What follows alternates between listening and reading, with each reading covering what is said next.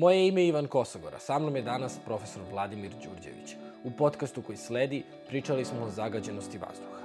Pričali smo o tome zašto je ovaj višedecenijski problem u našoj zemlji guran po tepih i zašto se nismo bavili time ranije. Takođe pričali smo i objasnili šta je to tačno što mi dišemo. Šta su PM čestice, koji su to gasovi, kakav je to vazduh. Zatim smo razgovarali o tome koji su to uzroci, oni veliki, oni mali i kako možemo da ih rešimo. Spomenuli smo i aparate za prečišćavanje vazduha kao i neke druge mere koje možemo da preduzmemo kako bismo se zaštitili u ovom trenutku. Iako kasnimo sa ovim rešenjem nekih 20 godina u odnosu na zemlje koje su uspele da reše ovaj problem, rešenje postoji. I to je ono što je najvažnije da znamo. Ali sa druge strane, nije bitno samo da znamo ovu informaciju, bitno je i da nešto preduzmemo, nešto konkretno. Tako da je ovaj podcast zapravo poziv da se promenimo. Da, kao što ćete čuti u podcastu koji sledi, za 50 godina ljudi koji budu slušali ovo, verovatno će pomisliti kako je moguće da su napravili ovaj kompromis, kako je moguće da su pristajali na ovaj vazduh. Da bismo došli do tih zaključaka, danas moramo da se promenimo. Ovo je nešto što se tiče svih nas, ovo je nešto što će direktno uticati ne samo na naše živote, već i na živote naše dece i na živote njihove dece. Zato mi danas treba da preuzemo odgovornost i zato danas treba da se promenimo. Ako ste prvi put na ovom YouTube kanalu, želim da vas pozovem da se prijavite, odnosno pretplatite, ili ako nas slušate na bilo kojoj drugoj podcast aplikaciji, zapratite nas, to je jedan od najboljih načina da podržite ovaj podcast. Drugi najbolji način jesu PayPal, jednokratne donacije i Patreon, svi linkovi su u opisu uživajte u podcastu koji sledi i da, ako smatrate da neko treba da čuje ovaj podcast, molim vas pošaljite, podelite sa svojim prijateljima, porodicom, podelite sa ostalim ljudima, jako je važno da pričamo o svemu ovome. Uživajte u podcastu koji sledi.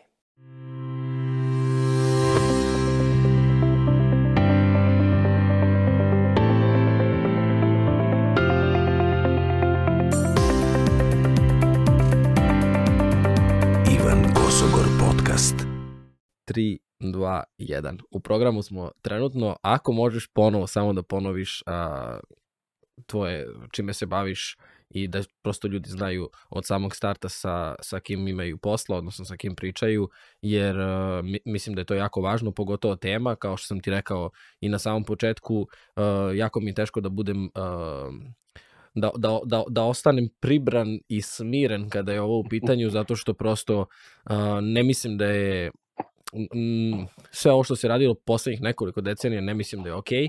i ovaj, pored ono kao što sam malo pre rekao, pre dve sekunde, ali prosto želim da ponovim, uh, dosta smo više tražili krivce, upirali prstima i svađali se, nije bitno ko je kriv, znaš, kada, kada toliko dece u, u mom gradu ima problema sa astmom, kada ja pričam kroz nos kao da je to sasvim normalno, uh, glavobolje i ostale stvari koje su definitivno uzrok, a pričat ćemo o svemu tome, to nije normalno i više nije ni bitno ko je kriv, bitno je da se reši situacija, tako da puno ti hvala što, što pričamo i što ukazujemo na, na sve ovo.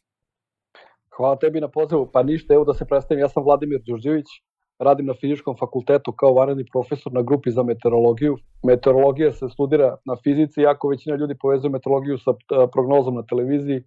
Meteorologija je u stvari neka vrsta primenjene fizike, ima puno fizike i matematike, tako da na fizici postoje četiri grupe, ima tri grupe koji su smerovi fizike, da kažem čiste, ima ta četvrta grupa meteorologija, tako da od prve godine se studira meteorologija, ima puno fizike i matematike i danas je meteorologija jedna vrlo moderna i onako egzaktna nauka, evo kao kuriozitet ove godine je Nobelova nagrada za fiziku dodeljene trojici istraživača, dvojica su se bavila klimom i dobili su nagradu za otkriće u oblasti klime, ali jedan od njih je meteorolog, Suki Manabe, jedan od dobitnika, je baš meteorolog, znači on je studirao meteorologiju, doktorirao je iz oblasti koje je meteorologija, ali je posle počeo da se bavi klimom, tako i ja se danas u principu prvenstveno bavim klimatskim promenama kao problemom i fizičkim aspektima tog problema, ali zagađenje vazduha i kvalitet vazduha su vrlo bliski e, ovoj temi klimatskih promena u smislu, da kažem, onoga što izaziva problem i kako treba da rešimo taj problem.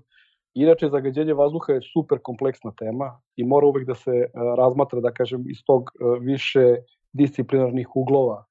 Ima, s jedne strane, moramo da imamo inženjere koji se najčešće bave emisijama zagađujućih materija, znači znaju razne industrijske procese, kako se odvijaju, koja goriva se koriste, šta se emituje iz toga i kako da zaustavimo neke od tih emisija. onda postoje hemičari, fizikohemičari koji se bave samom strukturom tog zagađenja, znači šta imamo u tim česticama, kakvi su to gasovi, kako ti gasovi interaguju s okolinom, onda postoje meteorolozi koji se najčešće u, u, u smislu zagađenja bave time kako se to zagađenje transportuje i kako ono interaguje sa meteorologijom na neki način, kako se prave te koncentracije na kraju koje merimo. Imamo tu i doktore koji se bave kako to zagađenje utiče na zdravlje ljudi i procenjuju koliko zagađenje može da se negativno odrazi na razne aspekte našeg zdravlja, tako da je da je ovaj zagađenje vazduha izuzetno složena oblast i zbog te složenosti u stvari ne treba da nas čudi što je da kažem debata burna i što nije nije onako da kažem pravolinijska priča jer jedan deo te žestine u debati proizilazi iz toga da zaista čovjek treba iz pun uglova da sagleda taj problem da bi tačno razumeo o čemu se radi. Da je stvar prosta i pravolinijska, vrlo lako bismo i rešili problem i svim ljudima bi bilo u početku jasno da li je vazduh zagađen ili nije, ali je problem prilično složen i kompleksan, slično kao i klimatske promene, to je isto vrlo složen problem i zbog te složenosti je nekad teško komunicirati i treba da se priča sa više različitih ljudi, znači treba razgovarati i sa doktorima, i sa hemičarima, sa fizikohemičarima, sa inženjerima, sa meteorolozima i klimatolozima, da bismo mi sagledali u stvari sve elemente toga i svu tu složenost, jer samo tako ćemo umeti da rešimo stvar. Kod nas je, da kažem, stanje problematično, više nego problematično, stanje je vrlo ozbiljno, ali trebamo da budemo optimisti zato što je puno zemalja na svetu rešilo, da kažem, po znacima navoda svoj kvalitet vazduha, odnosno dramatično su popravili kvalitet vazduha u odnosu na pre 30 godina što znači da taj problem je rešiv ako želimo da ga rešimo. Znači ne radi se o problemu koji je nerešiv i ne smo da pristanemo na to da ćemo zaovek živeti u lošem vazduhu zato što je to nešto što je nerešivo ili što je za nas nedostižno finansijski, ne znam kako. Znači taj problem je rešiv, pitanje je da li to želimo, ne želimo i da li smo iskreni u tome i kad kažem iskreni mislim na celokupno društvo, društvo u našoj zemlji, od onih koji rukovode i koji su na neki način ti koji smo mi dali mandate da se bave tim nekim javnim opštim stvarima do svih nas pojedinaca i mi pojedinci treba da se uključimo u reš, na neki način u rešavanju tog problema i kažemo opet ako se o, o, o, okrenemo unazad vidjet ćemo da je puno zemalja dramatično popravilo kvalitet vazduha. Evo ti si, na primjer, živiš sad u Americi, u Njujorku je kvalitet vazduha u odnosu na početak 90-ih dramatično, dramatično popravljen po pitanju nekih polutanata, recimo, pošto prošle godine izašao jedan izveštaj o kvalitetu vazduha u Njujorku, po pitanju nekih polutanata koncentracije u Njujorku su danas ekvivalentne koncentracijama tih polutanata na obližnim, obližnim planinama. Znači, po znacima navoda Njujork po pitanju nekih elemenata ima planinski vazduh. I njihove mere za dalje poboljšanje, pošto i dalje nisu zadovoljni, se trenutno fokusiraju na grilove. Znači sve ovo ostalo o čemu mi dalje pričamo, fabrike, grejanje, saobraćaj, otpad, to je sve u principu rešeno do nivoa da je vrlo, vrlo kontrolisano sad se oni bave nekim tim sini, sitnim, finim podešavanjima na nivou kvartova, znači da ako negde postoji restoran koji često se u restoranima pravi roštilj ili šta već, da se i te uh, peći koje služe za, za pečenje toga i za uh, pripremanje hrane i goriva koje se koriste da budu takvi da ne emituju previše, previše zagađujućih materija u atmosferu, zato što kažem, sve ovo drugo su rešili, sad su zaista se bave vrlo, vrlo finim, finim stvarima i detaljima, zato što hoće da dovedu tu celu stvar na nivo perfekcije maltene, jer jednostavno zašto živeti u, u zagađenom vazduhu ako može da se živi. I kao što vidimo isto zbog svega toga, New York ne postaje siromašniji grad, mislim da postaje, postaje bogatiji, da ljudi tamo žive sve kvalitetne i kvalitetne, tako da rad na životnoj sredini ne znači osim romašenje, niti gubitak nekog novca i niti da udarac na standard građana u stvari je suprotna stvar. To isto opet vidimo iz puno, u puno zemalja. Tamo gde se situacija popravljala, ovaj, društveni proizvod je rastao i kvalitet života je rastao. Te dve stvari se dekapluju u jednom trenutku. Znači, vi nastavite da popravljate kvalitet života, a s druge strane imate sve bolju i bolju životnu sredinu. Iako opet u nekim vrlo nerazvijenim zemljama obično te dve stvari idu jedna sa drugom zaista. Kako ide ekonomski razvoj, onda se pravi veći pritisak na životnu sredinu. Ali u jednom trenutku te stvari mogu da se dekapluju i mi smo u trenutku kad treba da dekaplujemo to. I kažemo opet treba da budemo svesni da je to moguće rešiti, to je najvažnija poruka treba da budemo svesni da je to moguće rešiti, da to nije nikakav neverovatan zadatak i nešto neverovatno teško pitanje odluke da li želimo ili ne želimo kao društvo. I da bi se ta odluka donela treba puno nas da želi, to je glavna poruka. Znači ako ljudi budu to zahtevali kao jednu od stvari koja im je vrlo važna, onda i oni koji imaju puno ključeva u rukama da reše taj problem će lakše upotrebiti te ključeve. problem je rešiv. To je ono što, što, što mi se dopada. Ja sam glavno. po prirodi optimističan, ali moram ti priznati iskreno da uh, kažem ti, iako sam živeo ceo svoj život 5 minuta od termoelektrane, uh, svako jutro kad se probudim vidim, vidim kroz svoj prozor kako izlazi taj dim, uh, neretko vidim uh, različite oblike dima, različite boje dima. Sećam se kada sam bio klinac da kada padne prvi sneg, sutradan taj sneg je crn, da sećam se koliko ima prašine, koliko ima drugih različitih problema i prosto nikada čak nisam imao ni ideju kako bih ja mogao, jer svaki put kada bi se ošti povela neka polemika, uvek se dođe do toga, a, ali onda bi hiljadu ljudi izgubilo posao, a onda znaš da su ti ljudi, imaju svoje porodice koje hrane i tako dalje. I kao što si sada rekao, stvara se ta neka kontradiktornost gde kao ne možemo zbog hiljadu ljudi ili hiljadu Zaposlenih. poslova, ne možemo, a opet sa druge strane imamo te primere koje si sad ti naveo da kako se poboljšava životna sredina, raste i standard i do, otvaraju se nove neke pozicije, uh, stvaraju se neke, neke nove mogućnosti. I imamo primer New Yorka koji je mnogo daleko od nas, čak i ako ima direktan let. Sa druge strane imamo i primer u, u, u Evropi gde su se mnoge države uh, okrenule tom nekom zdravom načinu razmišljanja koji očigledno nama fali u, u, u Mhm. Srbiji, o kojoj konkretno pričamo. Pa kako sad ovaj višedecenijski problem koji je uh, koji je gurnut po tepih, o kome se nije pričalo, o kome je bilo na neki način čak i zabranjeno pričati da ne uvrediš te neke ljude koji rade tu i koji stavljaju hleb na sto upravo radeći To- tamo to- tačno. kako rešiti taj uh, kako rešiti taj problem? Mislim, šta je, šta Ne je prvi mora- korak? Da. Evo, ne moramo da idemo uopšte u New York tako daleko, možemo da odemo u Poljsku. Poljska je bukvalno kraljevina uglja u Evropi. Znači, to je zemlja koja ima mnogo više termoelektrane i mnogo veće rudnike i mnogo veću proizvodnju energije iz uglja, slično kao kod nas. I kad pogledamo, na primjer, Poljsku na kraju 90-ih i čak i o, dve, početkom 2000-ih, e, kvalitet vazduha je bio slično podjednako loš kao u Srbiji ili, ili vrlo sličan. Međutim, u Poljskoj su počele jednostavno da se primenjuju tehnologije koje ti omogućavaju da ti na odžaku od termoelektrane možeš da napraviš sistem koji zaustavlja od- određene zagađivače. Razlog, šta, šta ćeš ti tu da kažem, gde, e, e, gde je sad tu problem da to nema svaka, e, svako postrojenje. Takva postrojenja koja zaustavljaju određene gasove kao što su sumporovi oksidi, azotni oksidi i PM čestice, oni troše jedan deo energije koji se, koji se proizvodi na termoelektrani. I to je jedan od razloga oklevanja. Zašto ja sad izgubim određeni procenat energije koju proizvodim, da bi samo zaštitio vazduh. Možda mi vazduh nije, to, nije toliko važan. Tako da su ljudi, u, da kažem, u tom sektoru če, često to može da bude stvar oklevanja. Druga stvar je, o, treba da se napravi neka vrsta tehnološkog iskoraka. Znači, ta postrojenja nisu bila baš standarda, standarda pre 30 godina, ali su počela u početku uh, u Americi da se razvijaju, ali danas su postala neka vrsta standarda. I verovatno su možda ljudi čuli za trgovinu uh, gasova sa efektom staklene bašte, kao što je ugljen dioksid. Sad se o tome puno priča kako će zemlje da trguju tim gasovima i kako će stavljaju određene granice. U stvari, taj sistem za trgovinu gasova je izmišljen u Americi za sumporove okside na termoelektranama.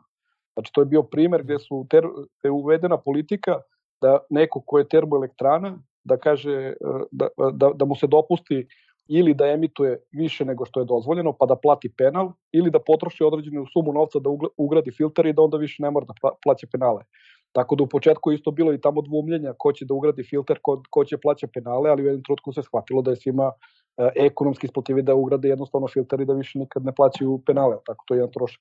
Ali kažem, to zahteva neku vrstu odlučnosti na tom samom postrojenju, znači ljudi treba da prihvate da će jedan deo energije više neće moći da proizvedu, nego će morati da potroše da bi čuvali vazduh i treba da se napravi taj tehnološki iskorak, da vi uvedete tehnologiju koja je odgovarajuća. Kod nas na jednoj termoelektrani u Stolcu je ugrađen taj filter još pre nekoliko godina, ali i dalje ne radi i nije jasno nikome zašto ne radi, nije valjda dobio neku dozvolu upotrebu ili šta već. Što opet znači da mi možda i dalje nemamo tu vrstu te, uh, znanja tehnološkog i spremnosti da takve, uh, da takve tehnologije implementiramo ali kažem, te tehnologije postoje, jednostavno u korišćenju teh tehnologija drastično će da smanjite zagađujuće emisije, emisije zagađujućih gasova iz termoelektrana, iz velikih industrijskih postrojenja i iz te razne intenzivne industrije. Znači, te neke od tih emisija zaista mogu. Kada pričamo recimo baš o sumporovim oksidima, sistemi za odsumporavanje koji bi mogli da se ugrade kod nas na termoelektrane bi u stvari oborili emisije sumpora za 90%. Za 90 procenata? 90 procenata. I to su u Evropi, ako pogledate sad u Evropi kako su se menjale emisije sumporovih oksida, vidjet ćete da tamo od 2005. 6. godine do danas su njihove e, emisije sumporovih oksida svuda oborene za 90 procenata. Znači oni emituju 10%. Zbog toga, e, zato ne čudi ona činjenica, možda si to čuo, kada kažu da ne znam koliko, e, nekoliko termoelektrana na Zapadnom Balkanu emituje više nego 250 elektrana u Evropi. To je zbog toga što je taj odnos u zaustavljanju tih gasova u Evropi 90% gasova se zaustavi, a kod nas se ne zaustavi ni 1%. I zbog toga postoji ta ogromna razlika. I zato je moguće da naše elektrane emituju toliko u odnosu na, na no, toliko kao, kao sve evropske, evropske termoelektrane. Tako da kažem, to zahteva jednu vrstu tehnološkog iskoraka. Ali Poljska, kažem opet, koja je isto u prošlosti se ponašala, da kažem, kao mi, i ona je počela da uvodi te sisteme posljednjih godina. I šta se desilo, na primjer, sad ovako opet primer neki onako ilustrativni. Postoji jedan broj koji je neka opšta mera izloženosti ljudi zagađenom vazduhu koje se zove taj indeks se zove izloženost urbanog zagađenja PM2.5 česticama. I da sad opet objasnim nekako najprostije, to je otprilike porcija koju svako od nas dobije u toku godine ko živi u gradu. Znači, otprilike koliko ti je, koliko ti je velik tanjir sa čorbom koju ti treba da pojedeš te godine, a ta čorba je zagađenje. Taj broj u Srbiji je 29 mikrograma po metru kubnom. To otprilike svako od nas u proseku, da kažem, to je porcija koja njemu sleduje. To se, taj broj se inače pravi u odnosu na to koliko je prosečno zagađenje i koliko je gustina naseljenosti na nekom području. Taj broj u Poljskoj je sad 20 Iako je pre nekoliko, pre deseta godina bio i sličan ovom broju u Srbiji, ali implementacijom tih mera oni su uspeli da spuste za 10, znači za jednu trećinu su uspeli da spuste. Tako da, ako je, a i Poljska ima trenutno najgori vazduh u zemljama Europske unije. Tako u Poljskoj je taj broj 20, a kod nas je 29. Znači, kod nas je vazduh za 50% lošiji nego u najlošijoj zemlji Europske unije koja ponovo podlačim, Poljska je za nas e, kraljevina uglja, imperija uglja količine koje oni koriste i, i broja termoelektrana koje oni imaju, to je neuporedivo s nama. Znači, to je mnogo, mnogo, mnogo puta više. Tako da mi ne možemo da se izborimo s naših 3-4 lokacije, ako njih ima takvih 20 lokacija, nema 3-4. Tako da opet kažem, to cela ta priča da mi ne smemo da se, da kažem, da čuvamo radna mesta, da je to nama neophodna struja, da to sve stoji, znači nama jeste neophodna struja, ti ljudi zaista ne mogu, kako kažem, da se da, da se ostave bez posla, ne znam ja kako kažem. Ti gradovi koji su rudarski gradovi, koji su blizu termoelektrana, njihove privrede i aktivnosti su puno vezane za ta preduzeća i sve to. Ti gradovi ne treba da, u, da, da nestanu zato što mi hoćemo da, da dišemo čist vazduh. Jedino što treba je da se implementiraju, kažem, ponovo tehnologije. I što je najgore, u našoj zemlji postoji zakon koji je usvojen, to je određeni pravni akt, koji se zove Nacionalni plan o smanjenju emisija, koji treba da nas stavi na taj isti put na kome je Poljska bila zadnjih 10 godina i on je trebao već pre neku godinu da počne da se implementira, ali pošto nisu uspeli da ga implementiraju, a to implementiranje tog zakona znači u stvari postavljanje odgovarajućih tih filtera na, na odgovarajućim postrojenjima, pošto nisu uspeli da počnu sa implementacijom na vreme, onda je napravljena dopuna tog akta u kome je rečeno e, nismo uspeli tako da se početak tog postavlja se da bude fleksibilno, pa ćemo u jednom trenutku da počnemo. Tako da ono što je kod nas najveći problem trenutno je stalno to odlaganje, da se suočimo s time da jednostavno mora da se uloži neki novac da bi se ta postrojenja unapredila.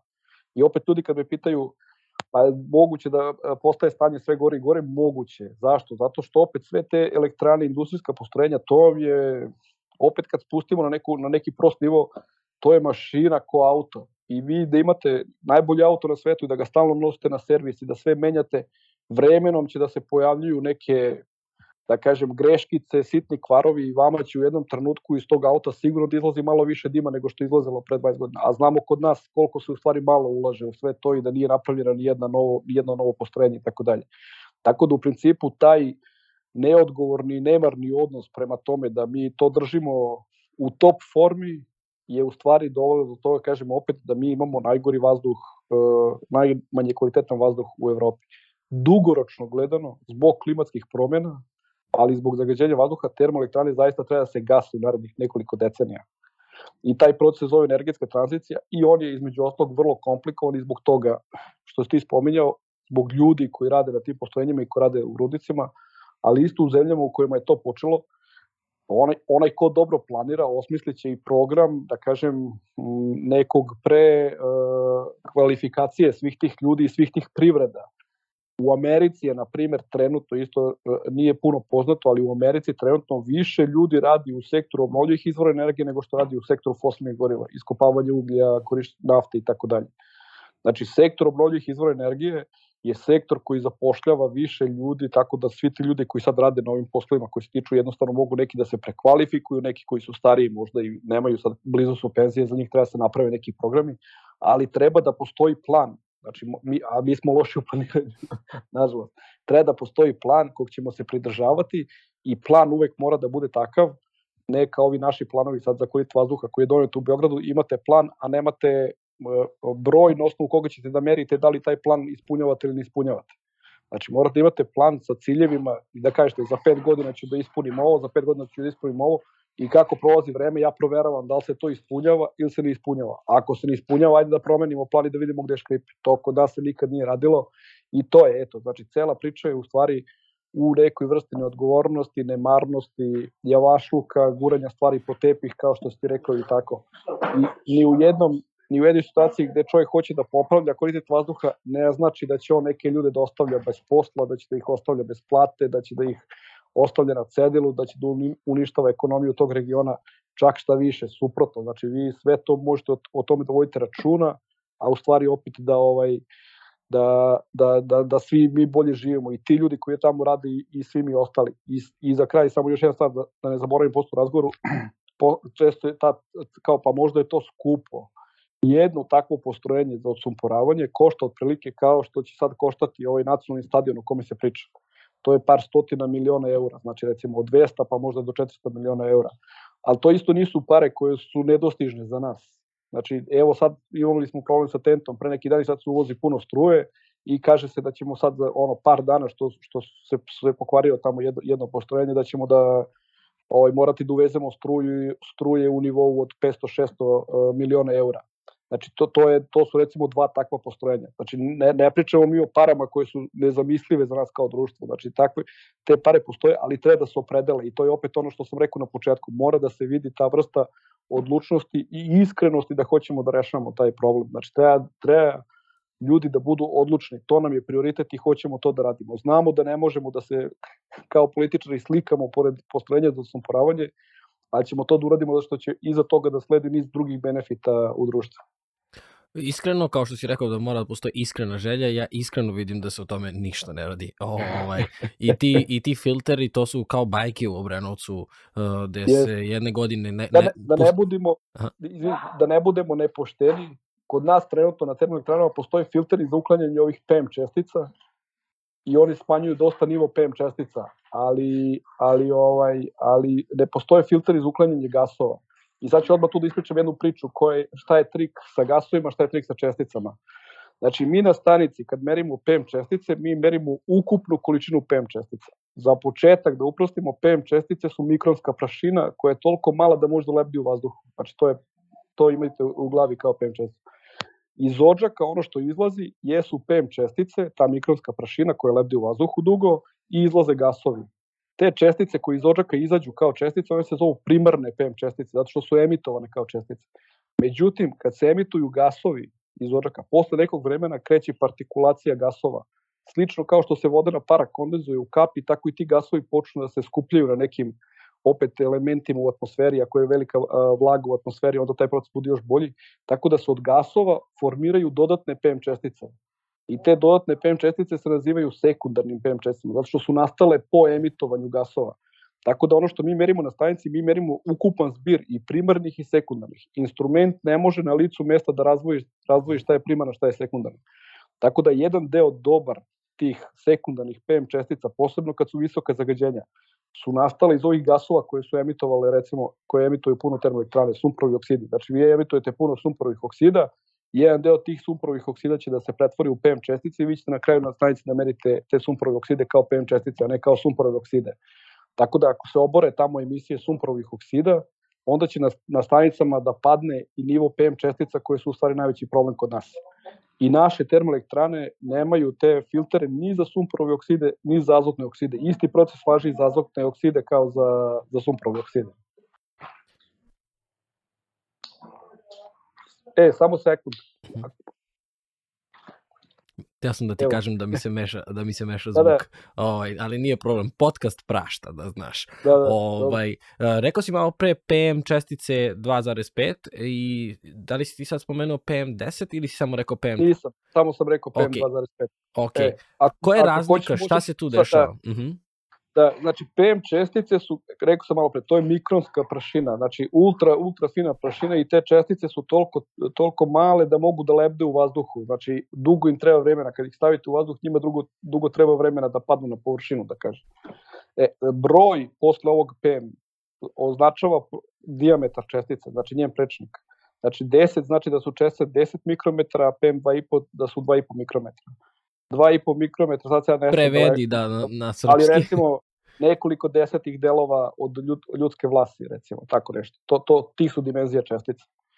E, e, tako da kad se kaže koncentracija PM10 čestica, to su sve čestice u vazduhu čiji je diametar do 10 mikrometara. Znači u, u toj koncentraciji su i 2,5. A kad kažemo PM2,5, znači tu sve čestice do diametra od 2,5 mikrometra. E, što je čestica manja, a onda i u zavisnosti od njenog hemijskog sastava, znači šta je u toj, u toj čestici može da bude svašta, mogu da budu neki teški metali, mogu da budu ti sumporovi oksidi, mogu da budu azotni oksidi i tako dalje, e, čestica je opasnija. Znači, što, što je bogatija hemijskim elementima, što bi, što bi neko rekao, što ima više ovog e, e, periodnog sistema u sebi, to je ona opasnija i što je manja, to je ona opasnija. I zašto su male opasne? Zato što kad se udahne mala čestica, ona može da prođe kroz iz ove alveole u plućima, može da uđe u krvotok i kroz krvotok može bukvalno da bude odeta do bilo kog e, organa u našem telu. Tako da recimo u Južnoj Koreji su radili autopsije ljudi i pronašli su PM čestice zagađenja u mozgu koje su bile deponovane u mozgu. Te tako sitne čestice mogu da naruše, da prođu, da probiju čak i ove e, na ćelijskom nivou da nekako interaguju sa našim organizmom i dve stvari mogu da rade. Mogu prvo da remete te fiziološke procese zato što unosite neke hemikalije u svoj organizam, a s druge strane zato što su to su isto neki od njih sad ima isto su različiti oblici, oblici, ali neki od njih bukvalno izgledaju kao mik, mikrožileti. Znači onako vrlo deluju agresivno. I u tom smislu one mogu da stvaraju te upalne procese. Zato ja opet kažem neki put e, ono pod znacima navoda da, da, da brzo shvatimo čemu se radi. Kao da progutate neku šmirglu koja vam je u svim organima i koja će da vas šmirgla narednih puno godina. Znači neki od tih čestica ne postoji način da neće se one rastopiti u organizmu. Ako su neki teški metali, postoje dobra šansa da će zaovek da imate deponovano to u svom organizmu. Što više toga imate, sve veći pritisak na organe i onda polako počinju stvari vremenom da otkazuju. Zato kod zagađenja, tog aerozagađenja, ovog ambijentalnog, nikad se ne radi o tim nekim, da kažem, mada imamo sad primjera u Srbiji da su bile te direktne negativne posljedice po zdravlje, da, da je ljudima pozbilo, da su povraćali, da, da su imali vrtoglavicu i tako dalje, ali uvek pričamo o tim odloženim efektima, zato što vremenom vi kada akumulirate sve to u sebi, vremenom se pojako, polako pojavljuju posljedice i ono što je krajnji ishod jeste da ljudi koji žive u visokom aerozagađenju, kao što je kod nas, žive kraće nego ljudi koji ne žive u tako visokom aerozagađenju. Razlika u prosječnoj dužini života kod nas i u zapadnoj Evropi je negde između 5 do 10 godina. Polovina od te razlike je verovatno posljedica aerozagađenja. I veliki broj toga kod dece što se javljaju, znači razni asmatični bronhitis i alergije, razno ta, ne znam, ja sad da kažem, ne- eto nisam stručnjak baš za medicinu, ali razni, ti, razne te komplikacije vezano za respiratorne organe kod dece kod nas se pojavljuju upravo zato što živimo u ne, nečistom vazduhu, živimo u zagađenom vazduhu. Znači to je jednostavno vremenom se taj negativan efekat akumulira i kažem na kraju vi živite kraće. Kad je čovek mlad i u punoj snazi, onda možda to kad mu neko kaže, e, zbog aerozagađenja ćeš da živiš kraće par godina, možda mu, da kažem, i nije ga toliko briga, interesu i ima mnogo važnije stvari u tom životu nego da razmišlja o kraju svog života ali mislim ko, na kraju čovjek, kako kaže, kako počne stari, onda svaka godina ti je važna. I to što mi prihvatamo da zbog aerozagađenja živimo par godina kraće, to je po meni nekako neozbiljno, neodgovorno i skandalozno. Ono, mislim, jednostavno mi, se, mi to što umesto da da kupimo te filtere, mi na kraju to platimo svojim zdravljem i svojim životom. To je ta priča. Eto. Znači, umjesto ti da potrošiš neki novac, da mi opet kao društvo, kao zajednica, da se odreknemo nekih gluposti i trošenja para na gluposti i da uložimo novac u ovo, na kraju ćemo zbog toga da imamo prvo bit ćemo zdravi, manje ćemo se razboljevati i na kraju ćemo malo duže ne malo, ne, par godina, kažem, nije to malo uopšte. Na kraju ćemo duže živeti nego, nego što živimo do sada.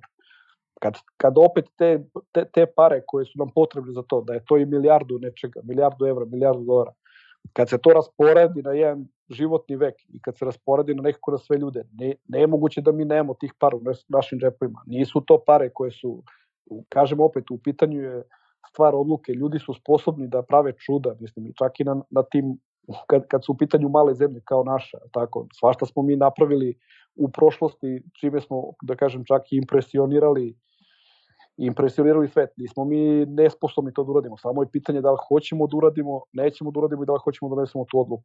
Po meni i dalje, kažem, nedonošenje odluke je posledica toga što jednostavno, kako kažem, neki ti sitni lenjost, sitni prioriteti, javašluk, nemar, neodgovornost, ne, neodgovornost, nedovoljno želje da se ljudi time bave. Ima još jedna vrlo važna stvar. Ljudi isto kažu kako je sad to zagađenje, a kako je pre bilo, kao pa i pre bilo zagađenje. To jeste isto tačno. Znači, mi smo 80. godina živeli u vazduhu koji je bio uh, uh, verovatno slično uh, loše kvaliteta kao danas. Ali to ne treba da nam bude izgovor. Zašto se sad pojavila ta tema? Prvo, cela priča oko zagađenja vazduha i razumevanja ljudi koji je uticaj na zdravlje loše kvaliteta vazduha je počeo tako početkom 80-ih, sredinom 80-ih i to je počelo u zapadnom svetu da se zahuktava 90-ih. U to vreme su akumulirana naša znanja u vezi toga. Znači, pre toga se nije ni znalo toliko koliko je u stvari izloženo zagađenog vazduha opasno po, po zdravlju ljudi. Akumuliralo se znanje i kako to znanje akumuliralo te zemlje koje su tehnološki bile najnaprednije, odmah su počele da rešavaju taj problem. U tim zemljama se danas toliko dugo taj problem, da kažem, rešava, da recimo u slučaju Amerike postoje radovi koji vam pokazuju koliko se to baš ljudski život u nekim regionima produžio zato što su stavili filtere na termoelektrane. Znači to je izmereno bukvalno to u godinama, mesecima, koliko ima manje prijema po pitanju kardiovaskularnih bolesti, koliko, znači toliko imaju već sad dugu tradiciju u celom tom poslu, da linkovi između zdravlja i zagađenja vazduha su jedan na jedan, znači to se ne, ne postoje nikako pitanje. I ta, ta je stvar, znači pitanje je saznanja. I sad ja isto kažem ponekad, u srednjem veku kanalizacije su tekle ulicom ili ne znam ja kad, u 17. veku. I tad su ljudi mogli isto da kažu, e, kad je neko rekao, slušaj, to što nam je kanalizacija na ulici, to je izvor mnogih bolesti, zbog toga ljudi pate i žive loše i tako dalje, nekvalitetno, ajde stavimo kanalizaciju ispod zemlje. Neko je mogu u tom trenutku da kaže, pa šta, kao teče ceo, ono, zaovek je tekla po ulici, što sad ne bi tekla. Znači, ideja je da mi kao društvo, da kažem, iz, iz znanja crpimo naše odluke. 80-ih nismo toliko dobro znali celu priču, 90-ih smo shvatili šta se dešava, 2000-ih smo trebali da počnemo to da radimo, sad smo već trebali da budemo daleko da odguramo u rešavanju svega toga. Mi smo, da kažem, sve to prespavali i tek sad. I što je najgore, kod nas je rešavanje počelo zato zbog tog postojanja pritiska javnosti, zato što su se ljudi na neki način probudili. Mada i to je opet priča i u tim drugim zemljama. Često su rešavanje tih krupnih ekoloških problema u stvari kreće iz toga što je na neki način nezadovoljstvo javnosti koje ono pokazuje da razume da nešto nije suštinski u redu i onda iste, iste neke vrste ono podizanja glasa javnosti se da i kod ovih donosioca odluka i rukovodioca javlja želja da s tim problemom bave. Kad se niko ne buni, onda neće niko da se bavi tako da o, pod znacima navode egzotičnim stvarima. O, imaju oni uvek važnija važnija posla. Ali kažem opet, to isto što smo pre 3, 4 ili 5 godina ukapirali da nam je loš vazduh, ne može da nam bude opravdanje, e pa bilo je loše pre 20 godina. Da, da, da to je, to je absurdno. To je, da. to je pogotovo sada sve ove informacije koje si, koje si rekao, a to je o, o dužini života. Ima jedna fantastična uh, izjava gde kaže, kaže čo, čoveka da uh, poslednji dan života da ga da mu ponudiš da ga pretvoriš u najsitnijeg malog miša i da živi još 10 dana Uh, tako što će i da kaže ne, mislio bi da, kao svaki sekund je bitan. Da, I da. prosto mi kao, ja, evo sad sam se ceo naježio, ali kao ja, nažalost, uh, imam, uh, poznavao sam neke ljude koji su kao mladi preminuli i od leukemije i od kancera iz mog grada. Uh, mnoge starije ljude znam koji su se razboljevali i Jasne.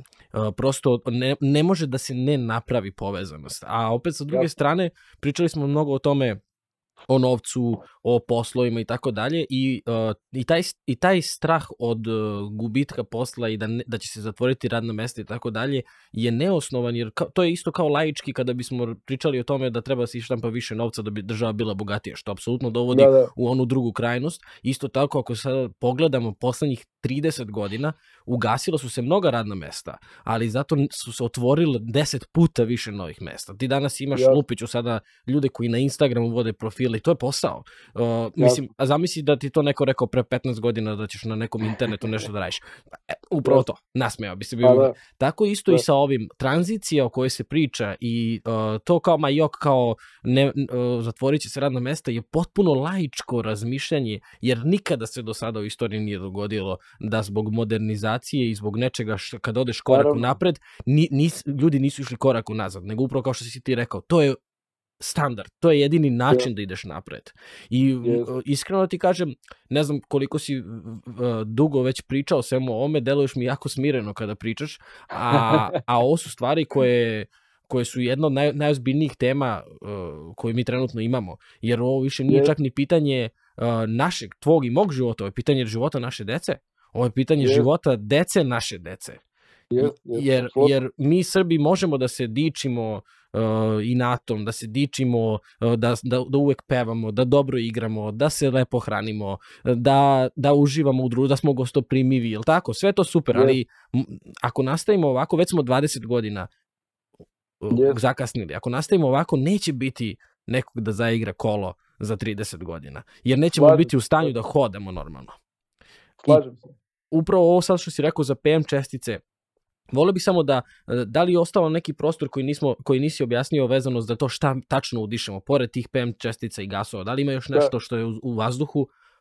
Pa, ima nekih tih sad i problematičnih situacija kod nas. Mislim, ima svačega. Kažem opet, da kvalitet vazduha je super, super složena oblast i nisu samo tu u pitanju PM čestice, nisu samo u pitanju ovih gasovi. Kod nas i dalje ta priča o tim sekundarnim česticama malo zanemarena ja to pokušavam na neki način malo da promovišem, da ljudi shvate da nije bitno samo da li emituješ čestice, nego i da li emituješ gasove iz kojih mogu da nastanu čestice. Taj proces u principu nije uniforman u toku godine. To isto ljude može da zbuni. Znači, proces te konverzije bolje radi u toku zime, kad je slabiji vetar, kad je oblačno, kad je velika relativna vlaga. I posebno, je, posebno doprinosi tome što su ti pikovi, znači kad imamo one nenormalne situacije sa preko 150, sa blizu 200, sa preko 200 e, koncentraciju PM-ova, u tim situacijama dobar deo PM-ova su uh, ti sekundarni PM-ovi. Tako da kad bismo mi te stavili filtere za sumporove okside recimo na termoelektrane, verovatno ono što bismo uradili bismo ošišali te pikove.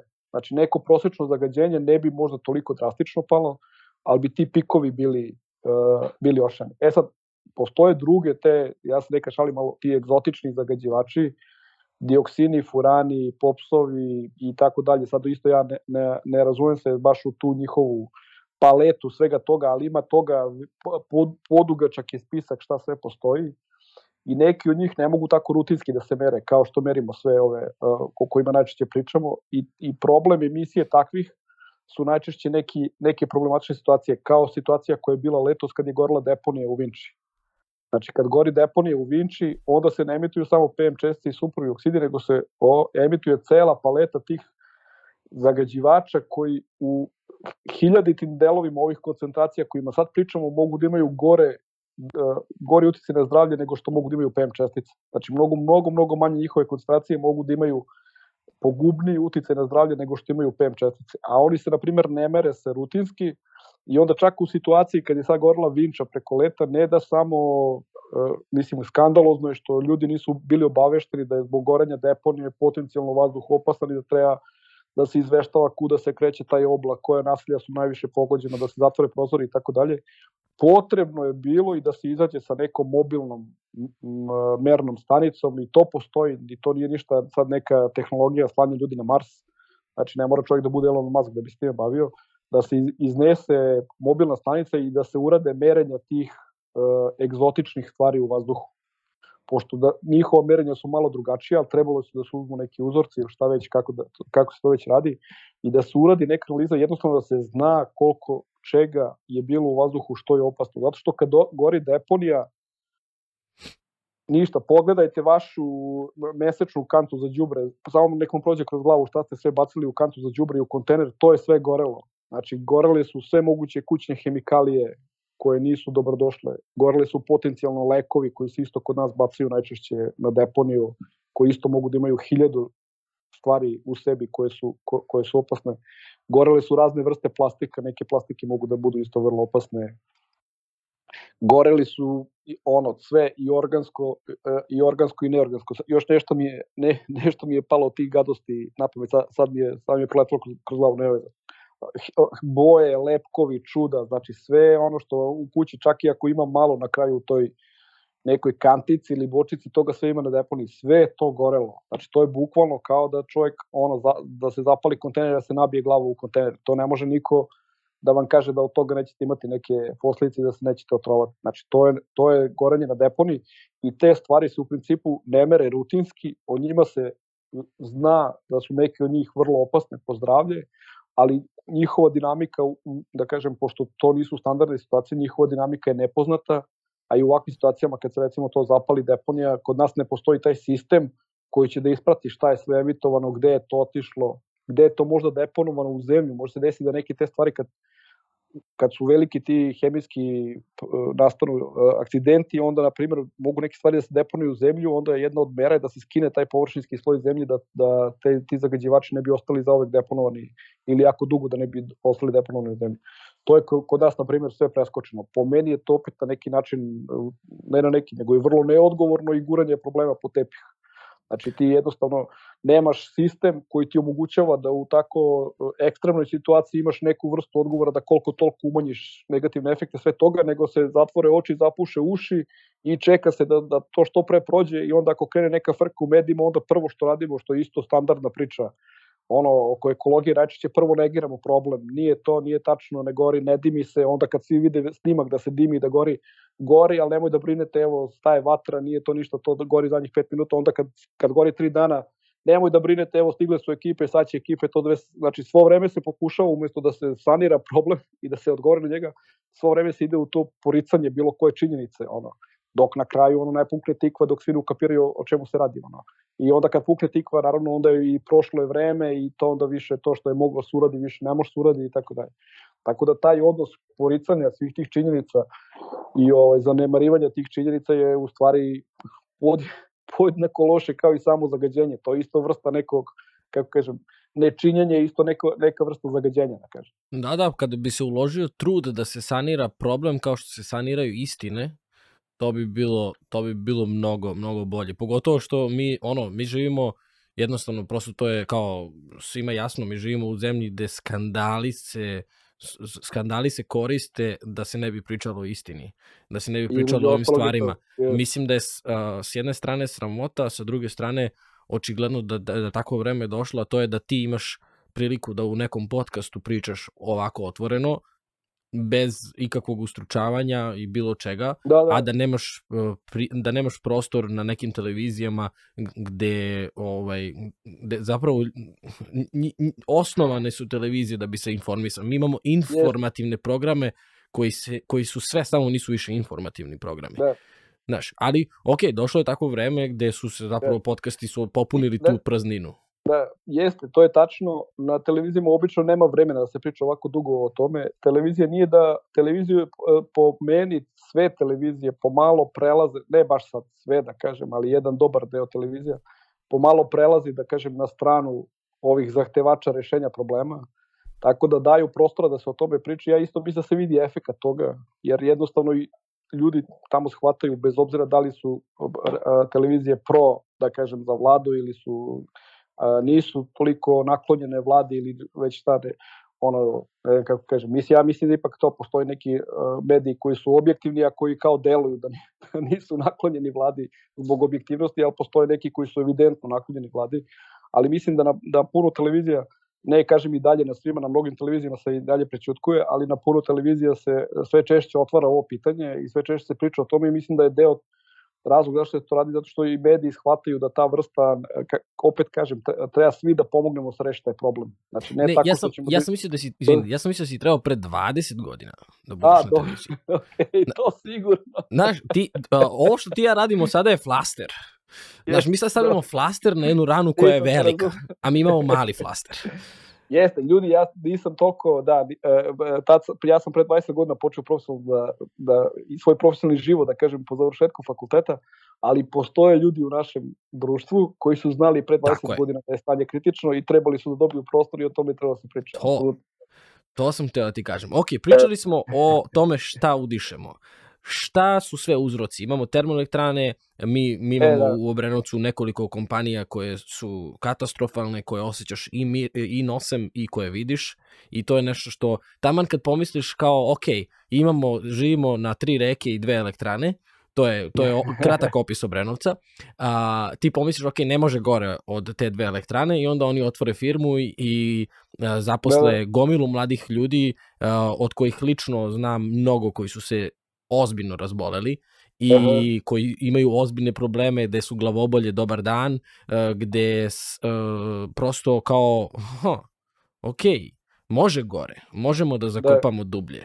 E, znaš, i koliko god bili optimistični na početku ovog razgovora, opet moramo biti realni, jer ja da, da nisam iz Obrenovca, ja ne bih znao neke stvari, ali da, da. prosto ako ja izađem i šetam ceo svoj život od moje kuće do reke i ta, ta, ta putanja je kroz šumu, kroz zabran, Obrenovčani moji znaju, uh -huh. i ako ja u poslednje tri godine šetam tim zabranom i osjećam miris metala, osjećam smrad koji je nepodnošljiv, jer se otvorila ta neka kompanija koja jel da. te nas je kao stavila u neku poziciju wow, a sa druge strane smo toliko oslabili i toliko nestajemo kao društvo i kao, kao grad i onda kao mora da staviš prst na čelo i kažeš čekaj bre ljudi pa ne, pa, da. nismo mi, ni, nisi ovca čoveče.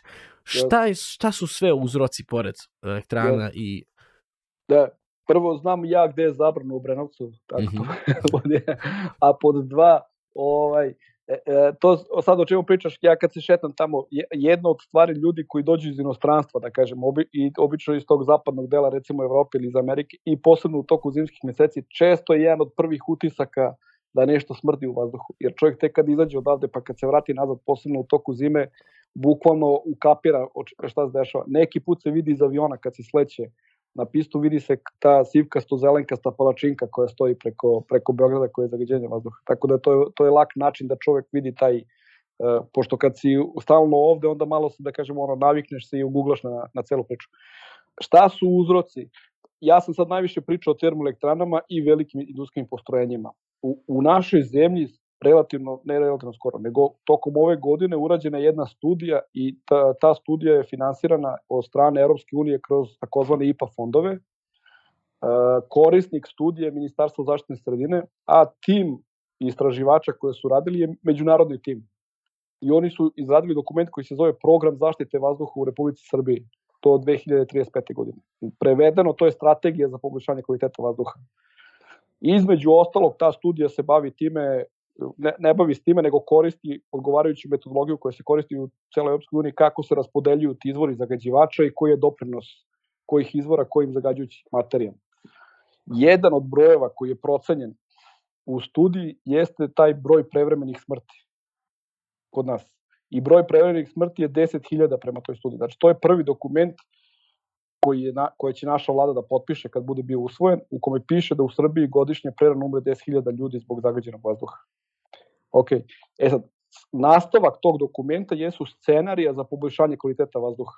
Znači onda oni, pošto ti imaš alat, kompjuterski program, u kojem možda kažeš, e, sad ću ja na ovim ođacima od fabrika da primenim odgovarajuće pravne direktive i smanjit ću njihove emisije za 90%, ono što, što sam ja malo pre pričao, i onda ću opet da izračunam da vidim koliko će da bude koncentracija kojih materija i koliko će da ima bude manje prevremenih smrti. Okay. I u Srbiji kad se primeni ta direktiva koja se zove nacionalni plan o smanjenju emisija, koja se odnosi na velika ta industrijska postrojenja i na termoelektrane, broj prevremenih smrti padne sa 10.000 na 7.500. Znači 2.500 ljudi smrti možda se poveže direktno sa velikim ljudskim postrojenjima i sa termoelektranama.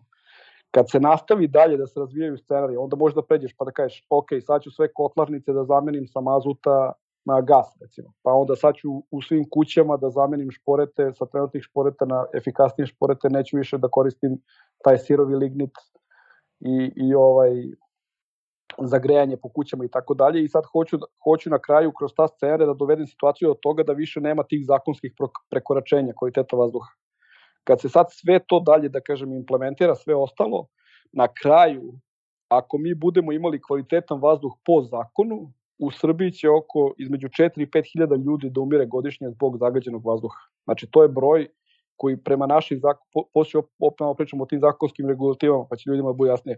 Znači, prema našoj zakonskoj regulativi, naš vazduh i kad je po zakonu čist, mi izgubimo, izgubili bismo godišnje 4 do 5 hiljada ljudi zato što živimo u tom vazduhu koji nije apsolutno čist, nego to je sad i ona priča o kompromisu koju ste ispominjao, znači moramo neko da napravimo kompromis. Tako da, kako, kako ide priča? Kad, iz, kad, imam, kad isključim industriju to jest kad obuzdam emisije iz industrije i iz termoelektrana, meni se broj smanji za 2500 i kad sad uradim sve ovo ostalo, znači saobraćaj, kućna ložišta, onda ove e, kotlarnice i tako dalje, meni se taj broj spusti za još jedno 2500-3000 uh, prerano umrlih. Tako da po meni kakva situacija je sad ovako. Znači s jedne strane, verovatno je otprilike pola-pola. S jedne strane su velika industrijska postrojenja i ovaj uh, termoelektrane, to je jedan veliki teg, i drugi veliki tek su ta kućna individualna ložišta u koje mora da se uključe, to obično nisu samo to po kućama što ljudi imaju od grejenih tela i šta u kućama pale, nego to trebaju uključiti i te male toplane koje služe za grejanje raznih javnih e, institucija, kao što su škole, vrtići, bolnice, javne institucije, opštine i tako dalje i te kotlarnice kod nas u velikom broju i dalje koriste mazot kao gorivo, koje je gorivo 19. veka. U Smederevu, na primjer, u centru grada postoji 12 kotlarnica na mazot koje greju neke lokalne zgrade po, po Smederevu, te opštine razne i tako dalje.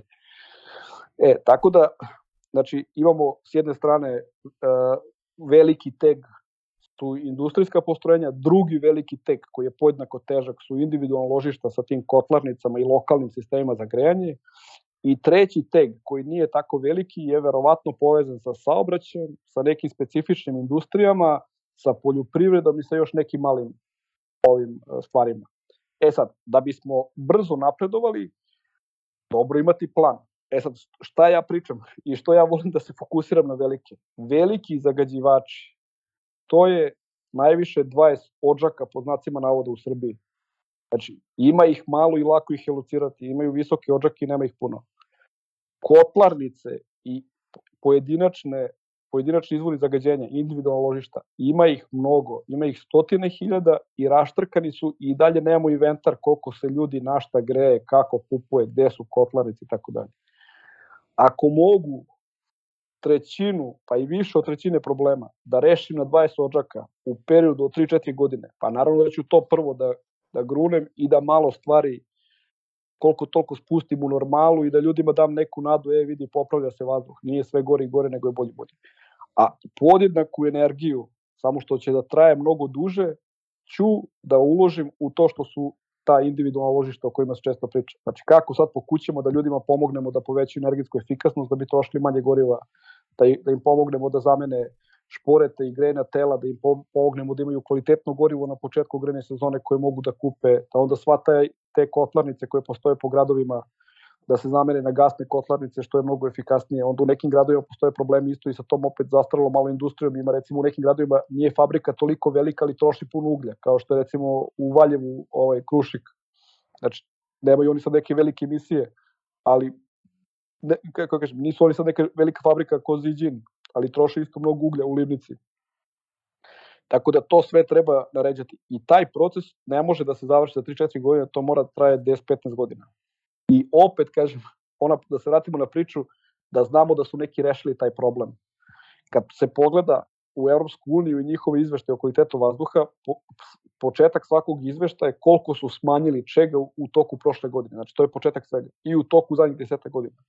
I kad vidimo gde su ostvarili najveće uspehe i gde su najbrže smanjivali emisije, smanjivali su baš na tim velikim postrojenjima i na odgovarajućim gasovima i to je ona priča da su, spu, da su spušteni recimo azotni oksidi su spušteni za 70%, a sumporovi oksidi su spušteni za 90%, a PM česte su isto spuštene na velikim postrojenjima za, za opet par desetina procenata. Znači, zato što na, na malom broju lokacija ti imaš velike emisije gde možeš da intervenišeš i da odmah velike napraviš velike promene, da puno spuštaš. A kad gledaš, na primjer, to rezidencijalno grejanje, to su ova mala kućna ložišta i, i kotlarnice, i tu oni imaju svake godine, isto imaju uh, uh, merljiv napredak, ali nije u tom smislu napredak. Znači, posle 10-15 godina oni su smanjili emisije, recimo, PM-ova iz individualnih ložišta smanjili su za 15%. Znači nisu uspeli da obore za 90%, što znači da je to teško.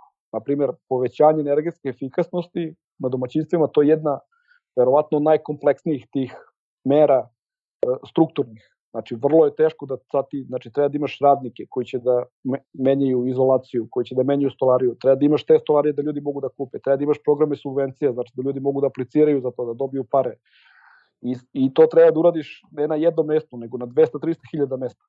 I zbog toga ja često opet kažem taj, ta, dva, ta dva velika tega, znači industrija i termoelektrane i ovaj teg individ, koji ćemo zovemo individualno ložišta, ja uvek stavljam malo veću težinu na ove, na ove velike, zato što je to je mesto gde ti možeš, da kažem, ono, dobrom taktikom za par godina da napraviš veliki iskorak.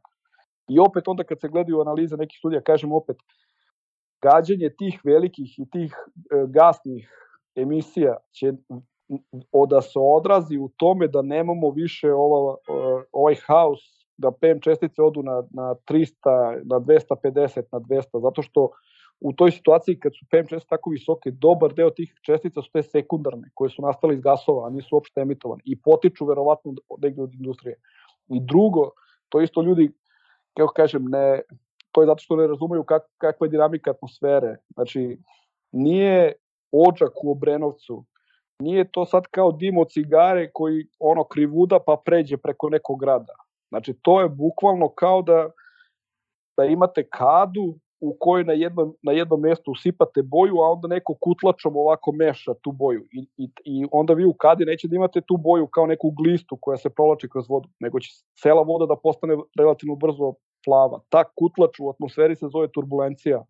Prizemni sloj vazduha, osnovna karakteristika njegove je turbulentno, znači da se dobro meša, stalno i u nekim e, vrtlozima, kovitlacima. I onda, znači, vi kad imate jedan očak u Brenovcu koji emituje ogromne količine nečega, ta turbulencija u stvari razvodnjava taj sumpor dioksid lepo po velikoj površini koja je verovatno u prečniku nekoliko desetina kilometara i onda uveče kad zađe sunce i kad se taj, mi zovemo to planetni granični sloj, kad se spusti i kad poraste vlaga u tom sloju, onda jedan put krenu da kuljaju svi ti sekundarni pemovi i onda jedan put skoče koncentracije na 150, na 200 i tako dalje. Tako da zbog toga, kažem, opet priča o tome ko je najveći je važna i verovatno, kažem, u smislu veličine se vodi mrtva trka između velikih industrijskih postrojenja termoelektrana i s druge strane ovog što su individualno ložišta, ali to nije kraj te priče. Priča o velikim i malim treba da bude isto usmjerena na to gde možemo da intervenišemo brzo sa vidljivim rezultatima. Jer ljudi hoće da vide da se stvari popravljaju. Ja hoću da vidim, na primjer, kako bi se to uradilo, onda bi za 3-4 godine ne bismo imali u Beogradu 120 dana sa prekoračenjima, nego bismo možda imali 90 ili 70 dana. To i dalje nije dobro, naravno, ali je bolje nego ovo što sad imamo. E sad, samo se vratim na trenutak na ono što sam rekao, naš zakonski čist vazduh e, dovodi do 4 do 5 hiljada prekomenih smrti u Srbiji po studiji vlade Republike Srbije. Naše granice, za to što je zakonski dozvoljeno, postaju sve udaljeniji od onoga što je standard svetske zdravstvene organizacije. Ove godine standard svetske zdravstvene organizacije pojačao svoje standarde u smislu što oni misle da je sigurno. I njihovi standardi su sad i prilično stroži od standarda Europske unije. Tako da prvo, znači imamo Srbija, pa je Evropska unija sa standardima i onda si ovde Svetska zdravstvena organizacija.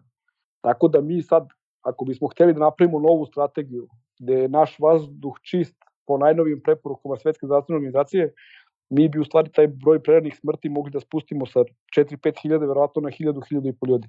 Znači, nemoguće iščistiti vazduh do nivoa da ne postoji nikakva vrsta utica i da ne jedan čovek, da kažem, ne trpi merljivo zdravstvene posledice zbog toga. Znači, postoje, uvek će postojati uh, ova industrijski intenzivne oblasti gde će ljudi sigurno da budu više izloženi zagađenju nego što su neki standardi. Uvek će postojati, da kažem, ljudi koji su o, ekonomski siromašniji, slabiji, tako dalje, koji možda žive u neuslovnim uslovima. Ima poseban deo o zagađenju vazduha koji se, na engleskom se kaže indoor pollution, znači ono u kući zagađenje koje, koje, koje se pravi i tako dalje. Tako da uvek će da postoji neki pritisak što se tiče kvaliteta vazduha na zdravlje ljudi. Poenta je da minimizujemo taj pritisak i u tom smislu svetska zdravstvena sve više i više, da kažem, pojačava te svoje granice zato što vidi u stvari koliko je, koliko je veli, veliki uticaj i ono isto što naš treba da bude dugoročni plan jeste da je mi u toku vremena isto postajemo sve rigorozniji prema sami sebi, zato što hoćemo da taj broj zaista minimizujemo na kraju. Ne da bude 10.000, nego da potencijalno bude 1000, tako ljudi koji, koji trpe zdravstvene probleme zbog zagađenja. To je e, enormno poboljšanje. Znači, to je znači od 10 puta je manje, ne treba da, da se objašnjava puno koliko je to veliko, ali du, opet kaže dugoročno gledano na nekim stazama koji su 15-20 godina, to je nešto čemu treba, treba mi da težimo.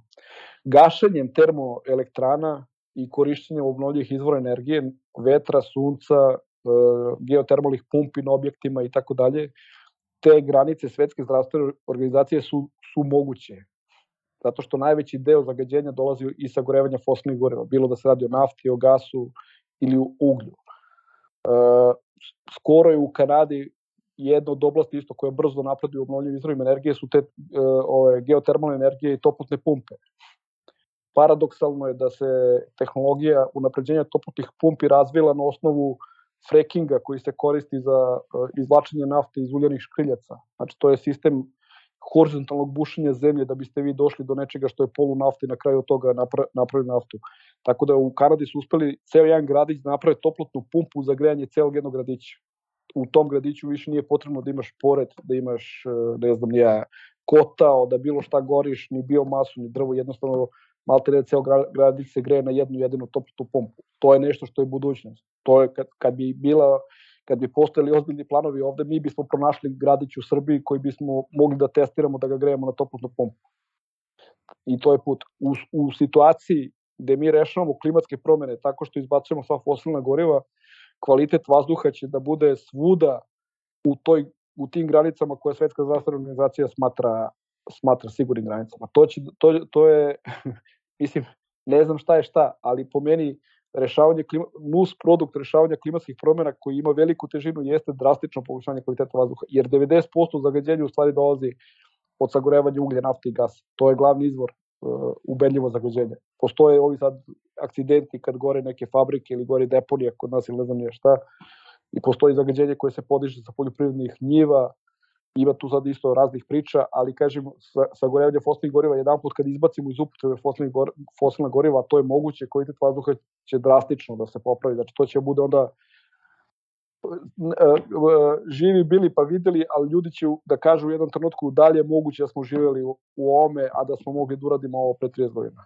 O, da, siguran sam da će za 50 godina da će ljudi smatrati kao Da li, kao što mi sad posmatramo drugi svetski rat i kao da li je moguće da su ljudi toliko ratovali, toliko ljudi izginulo, e, da. tako će verovatno isto ljudi misliti kao da li je moguće da su ovi ljudi kao čutali u tome i da su tako da. živeli, da su na to pristajali. Ali sa druge strane slušam te kao neki mali gradić u Kanadi, uh, zameniti uh, sve to po kućama i tako dalje, a onda uh, moji kumovi koji žive preko puta elektrane, preko puta da. elektrane, uh, da. mogu bukvalno da, da prepešačiš za manje od minut i da budeš ispred elektrane. Ne, ne greju se preko, nemaju, nemaju grenje preko elektrane. I sada kao mi ćemo da rešavamo nešto što je toliko daleko, a čovek koji živi preko puta elektrane i koji bi trebao da dobija platu elektrane, zato što da. živi pored elektrane, me razumeš? Da, razumete, mala kontraverza. Znači, to sad je onako, pošto ja slušam, u principu nisam, ne, ne mogu da kažem da sam sad neki pasionirani pa, da sam pasionirani, kako da kažem, ovaj, pratilac ili da kako već priče o energetici u Srbiji. Energetika isto slično kvalitetu vazduha je jedno vrlo komplikovano i zamršeno polje, gde postoji puno interesa i interesnih grupa i ono, svega i svačega.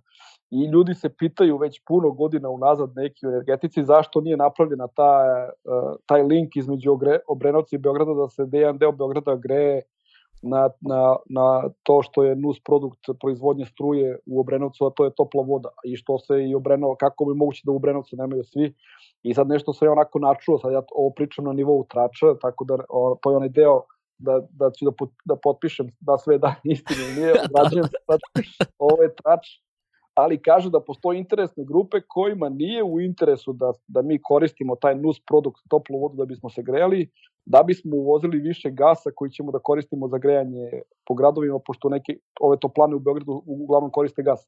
Tako da kad bi mi dovukli tu toplu vodu recimo u Beograd ili bi razvukli tamo po Brenovcu, onda bi manje e, uvozili gasa i u Beogradu bi tako proizvod, o, grejanje, smanjila bi se potreba za gasom da bismo se grejali preko zime i onda bi neko manje imao manji uvoz gasa, da kažem, i onda bi neko opet izgubio neku vrstu profita. U Obrenovcu da razmišljaš što bi sad grejali ljude kad mogu od nas da kupe struje, možemo da im prodamo i malo ugalj, da se greju na ugalj. No tako.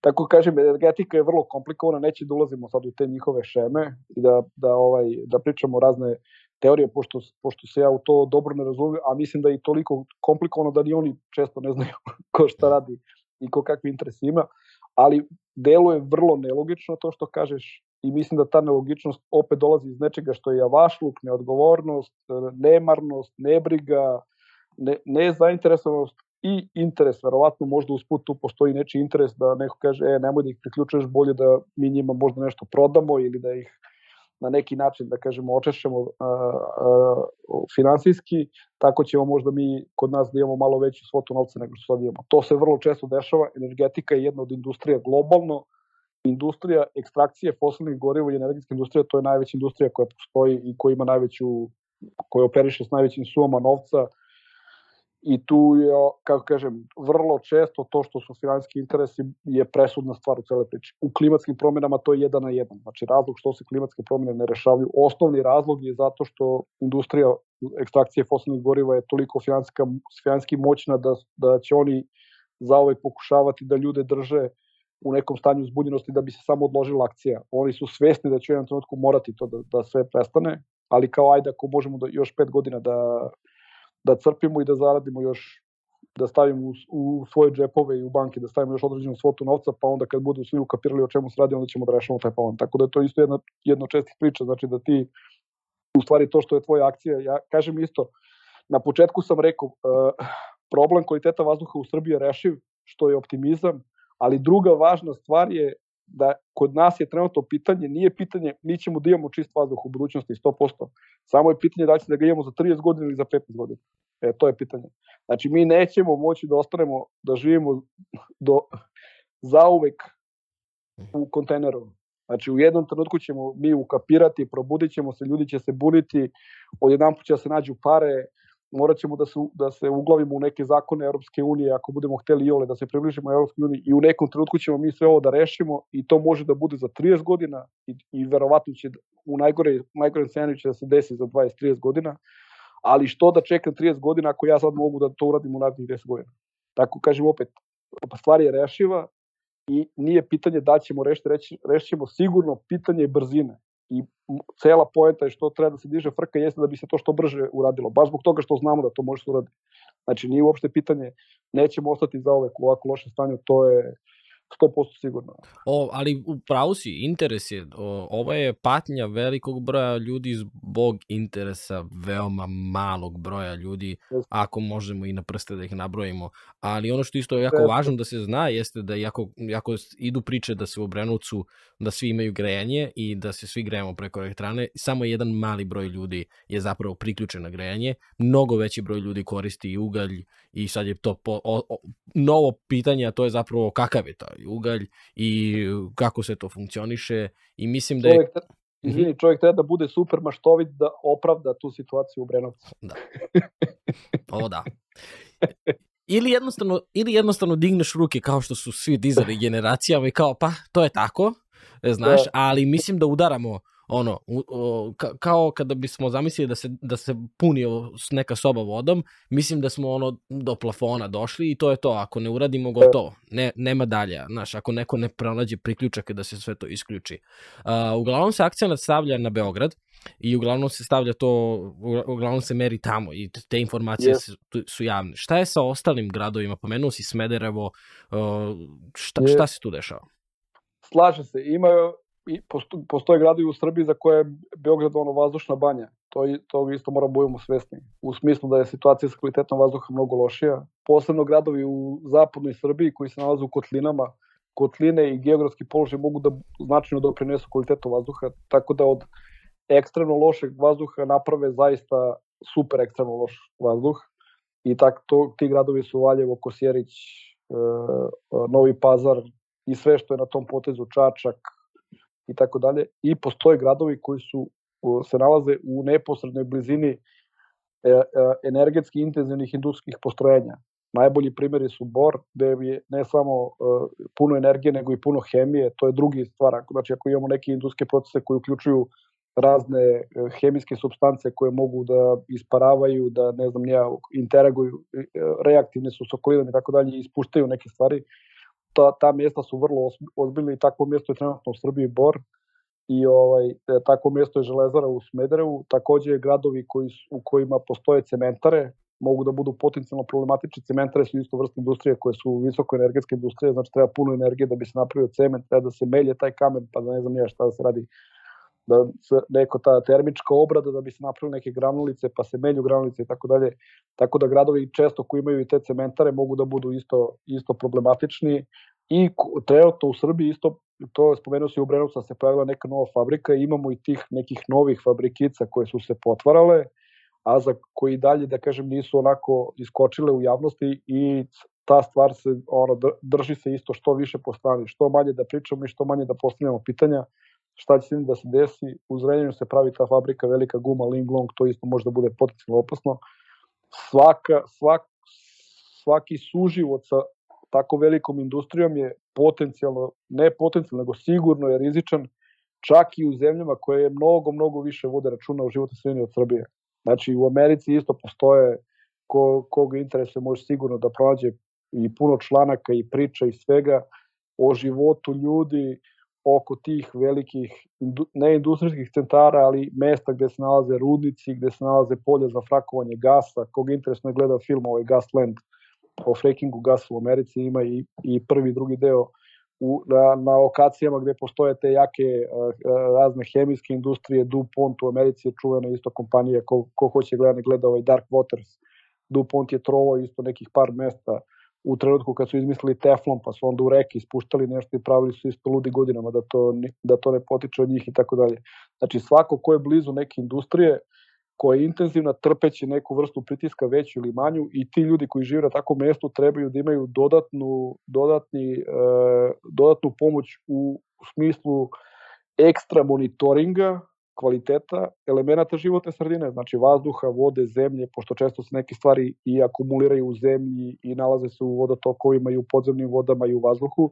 Znači na tim mestima treba da se vodi dodatna vrsta monitoringa, kvaliteta životne sredine, mora da se vodi dodatni nadzor, da se što češće šalju ljudi koji nadziru kako funkcioniše ta postrojenje, da li funkcioniše u okviru zakonskih okvira i tako dalje, da li sve funkcioniše kako treba i mora da se radi nadzor zdravlja stanovnika u tim lokacijama. Skoro je kod nas bio skandal, a to je da je Institut za javno zdravlje Batut krio nalaze o zdravstvenom stanju stanovnika Bora i da su na kraju jedna organizacija iz Bora, ja mislim da je na osnovu tog zahteva um, o javnim informacijama uspela da dobije taj, taj izveštaj u kome jasno piše ovo što ste isto spomenuli u Obrenovac, da je u Boru frekvencija pojave malignih bolesti značajno uvećana nego u, u proseku za Srbiju i tako dalje i takve stvari. Znači, to sve treba da se radi i treba da se da to bude javno dostupno i da ljudi razumeju o čemu se radi. Ja isto kažem, znači ljudi u Boru žive od tog rudnika, primaju platu i tako dalje. Čovek može da pristane da hoće da živi u takvom gradu ili ode da radi u takav grad zato što je, kako kažem, prihvati deo rizika da će potencijalno da bude izložen nečemu. Znači nije, e, kako kažem, e, nemoguće je sad napraviti najčist, da, da, da živimo u ono, onim čistim so, potpuno čistim sobama, potpuno čistom okruženju. Znači jednostavno jedan nivo da kažem, e, zagađenja i uticaja na naše zdravlje i okolinu mora da postoje. Jed, tak, tako smo, visoko smo industrializovano društvo, ono, vladali smo sa mnogo tehnologije, tako to je opet sad neka dugoročna priča, možda pričamo o tome, da li ljudi sad treba nekako da, da smanjuju taj svoj, svoju želju za tim tehnološkim ludilom ili ne treba smanjuju, ali nema veze, ali u ovom trenutku je tako, pričamo malo o tim kraćim skalama, nećemo sad o deset, des, decenijama i vekovima unapred. Ali ovaj, i, i ta vrsta rizika se prihvata na neki način, ali ljudi mora da budu informisani koji, koji nivo rizika oni prihvataju. Znači, da li je to nivo rizika da imaš duplo veću šansu da ćeš da dobiješ neko maligno oboljenje ili imaš 100% ćeš da dobiješ maligno oboljenje. Ili možda imaš 20% veću šansu. I ljudima treba da se pruži šansa da oni koji, da kažem, neće da žive u visoko rizičnim oblastima, da tu ne žive. Tako. Znači da, da, da imaju na neki način da im se pruži mogućnost da kažu, e, ja neću ovde živim, hoću pronađem posao u drugom gradu i da onda i kad pronađu posao da mogu na, neku, na neki način da, da se ocele odatle i tako dalje. Znači svako za sebe procenjuje rizik koji hoće, koji, koji hoće da trpi. Naravno, osnovna stvar je da se svaki industrijski proces dovede do nivoa najmanjeg mogućeg uticaja na životnu sredinu. To bi znači, bio prvi korak, jasno. Prvi Ali korak, misliš da je neko pitao ljude iz Bariča da li hoće da se otvori firma? Da li, da li hoćeš je... da neko pored tvog dvorišta podigne Jeste. fabriku koja će da smrdi 24 sata? Ja ne to mogu čak ni da zamislim da. tu situaciju. To je, to je posebna stvar. Znači, ti e, lokacije gde se prave takve stvari, prva stvar mora da bude ta komunikacija s lokalnim stanovništvom. Znači, to ne postoji? Ne, pa uglavnom ne postoji. Mislim, evo sad je primjer Rio Tinto, videli smo kako se to radi. Znači, ono, sad, ono pričaju isto Rio Tinto došao 2004. i, i šta već. Jeste, Rio Tinto je došao 2004. i od 2004. do, do 2000, sad ću da lupim, 17. 18. Jedino što se moglo da se pročita o Rio Tinto jesu njihovi PR tekstovi u medijima. Znači, znamo šta su PR tekstovi. Oni plate članak, da izađe članak u Blicu, kako je pronađen kriptonit u Jadru i kako ćemo mi sad da budemo svi u Srbiji supermeni, zato što je, znači, niko nije znao, nikad se, niko, niko nije, nije pričao Pa jeste, to su bili ti članci iz 2016. godine. Ne, ne, znači, o Supermeni ćemo svi da budemo, da, da, da. mi, mi ćemo jači od Supermena, pošto ono, Supermenu smeta valjda kriptonita, mi ćemo sad da imamo um, oružje protiv Supermena. I onda su, kako kažem, provlačili su se povremeno ti PR članci, to je sve gurano po tepih, niko nije komunicirao s ljudima tamo, mislim, ljudi ono, koji prave med i džem i mleko i ne znam nije šta ceo život, sad ti dolaziš njemu s pričom, me napravit ću ovde rudnik, ali nemoj da ti bude frka, znaš, mi ćemo tu, kupit ćemo ti nešto zemlje, ali dobit ćeš dobru kintu, pa ti možeš kupiš zemlju malo dalje, pa, znaš, to je, te, e, e, rudarske kompanije posebno, ako nešto zna, znaju, znaju kako se prilazi lokalnom stanovništvu, zato što sto, sto puta radile. Hmm. Znači, kako da priđeš lo, lokalnom stanovništvu da napraviš što manje talasa na površini vode. O da, o da, pa ka, sećam se kad se otvarala ta fabrika, to su bile kao, mi to radimo za vas, mi, mi ćemo da. vama da, i ti onda odjednom imaš potpuno ono, kao, ne znam, prosto, ajde, neću, da kao što sam ti rekao na samom početku, jako mi je teško da, da jer sam emotivan sam zato što su to, to je moja porodica, to su moji prijatelji i da. prosto znam šta je. Znaš, ne, ne da. moram da pročitam u novinama, bilo dovoljno da otvorim prozor. Da. Znaš, evo, sad sam, sad sam igrom slučaja u, u poslednjih šest meseci sam van grada, ali pres, prethodnih 27 godina, tačno, sam, sam, da. sam živeo tamo i znam šta je. Da. A, a isto jedna zanimljiva činjenica za koju smatram da mnogo ljudi ne zna, trebalo bi da zna, jeste da Obrenovac ima jedno od najzdravijih banja u Evropi. I jedini uh mhm. -huh. razlog zašto ne možemo da dobijemo uh, poziciju banje jeste zato što je tamo neko pre, pre nekoliko desetina godina odlučio da napravi elektrane i, i potpuno, potpuno uruši celu. Ali inače, lokacija Obrenovca, sad kad pomisliš, evo, sad imaš koliko porodica koje žive od elektrane. Zamisli da, da je banja, zamisli da imaš hotele, da imaš uh, za izdavanje, da pored Beograda, pola sata od Beograda, to je da. idealna lokacija za koju da. samo nam treba, kao što ti kažeš, ne, nedostaje plan, ja mislim da čak i nedostaje neko kome je stalo Mislim Da, da, da. više nije pitanje uh, kao kada si toliko dugo, a mi imamo na našoj sceni ljude koji, koji donose odluke toliko dugo godina, ti više se ne baviš, nije, nije više pitanje naroda, nije pitanje interesa. Da, I to je ono, to je ono e, što je naša velika, velika kočnica. I dok god se mi sada hvalimo, e, podigli smo ekonomski utice, e, naš PDP, e, ja sam završio bankarstvo i to, ja znam, to su, to su To su gluposti. Dobro. Ne možeš ti da imaš ekonomsku jaku državu i fabrike kancera i da ti ljudi umiru. Ka, kako, o kakvoj mi ekonomiji pričamo kada, kada nema više uh, kad ne, neće biti dece, neće biti, E. me razumeš kao, š, Pa če, čime se mi hvalimo? Jes.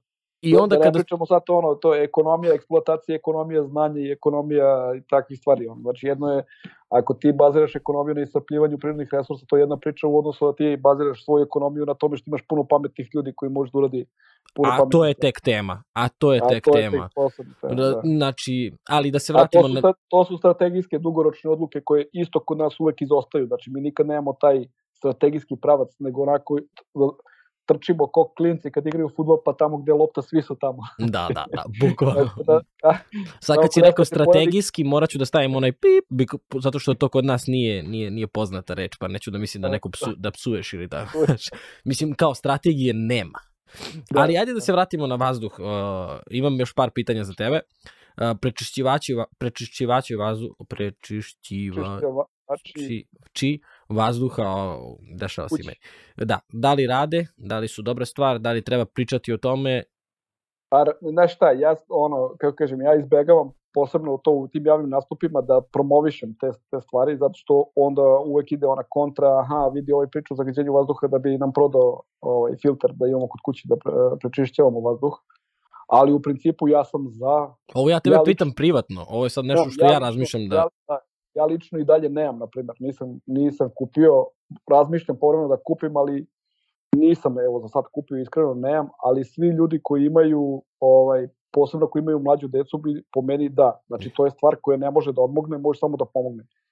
Treba da se zna da e, te sprave uglavnom prečišćavaju ovo o čemu pričamo čestice, ali u nekim slučajevima kao što je gorenje vinče, tu ne pomaže ni taj prečišćivač, zato što gasovi koji su opasni i u koji su mnogo manjih, da kažem, prečnik molekule, mnogo manje nego bilo kakav filter, jednostavno kroz to prolazi. Tako da od vinče, u slučaju gorenja vinče, ako ste bili blizu vinče, mogli ste da imate koliko hoćete tih u stanu, ne, to, to vam neće pomoći.